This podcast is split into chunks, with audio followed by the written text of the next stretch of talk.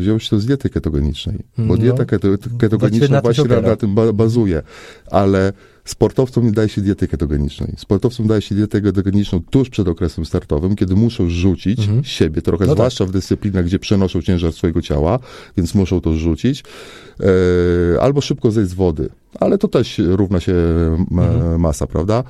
Więc e,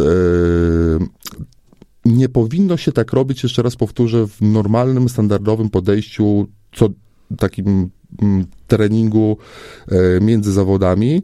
Natomiast jeśli już to jest stosowane, to mm, ma służyć określonemu celowi. Jeśli natomiast jest stosowane właśnie tak, to koledze poleciłbym przejście na węglowodany.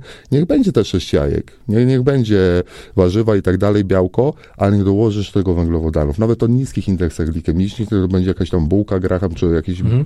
pieczywo brązowe, które się wolno trawi, ale dopiero zobaczyć, co to znaczy trening po dwóch godzinach od posiłku. Ile możesz siebie maksymalnie wyciągnąć. Mhm.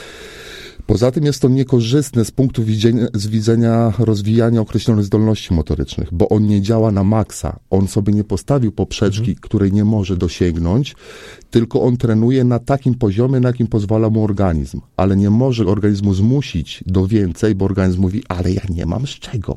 Skończył mi się napalm, Mhm. nie? Skończył mi się NOx. Daj mi węglowodanów. On mówi nie.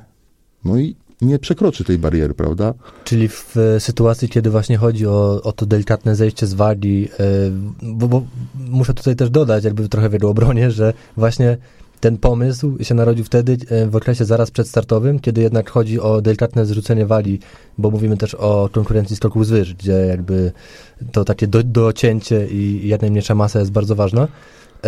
Czyli po, po prostu po tym okresie, kiedy już są starty i właśnie trzeba być w tej najwyższej dy, dyspozycji, to radziłbyś raczej wrócić do węglowodanów. Tak, zdecydowanie. I właśnie ten zabieg, który zastosował, no to jest, jest jak najbardziej e, zasadny, tylko nie obcinałbym na początku. Nie, ob, nie obcinałbym ze śniadania, tylko obcinałbym z pozostałych posiłków. Jeśli tam była tylko delikatna e, potrzeba regulacji masy ciała, no to, Tak, to można było zrobić na węglowodanach. Tylko Mhm. zważyć się, powiedzmy, mamy w głowie starty za dwa miesiące, za sześć tygodni, ten zegar tika, a my nic nie robimy, więc trzeba to odpowiednio wcześnie wprowadzić w życie, ale to wystarczy trochę uciąć tych węglowodanów, z, zjechać nawet bez ucinania węglowodanów, jak mamy dużo czasu, zjeżdżamy na tłuszczach. Mhm. Najprościej, dużo kaloryki odej- odejmujemy, węglowodany zostają, tym bardziej, że jest to dyscyplina jakby jednego podejścia, Mhm. nazwijmy to. No tak, no, No, ma ileś tam powtórzeń, prawda, ale generalnie ma dużo czasu na odpoczynek i ta siła, liczy się ta siła eksplozywna,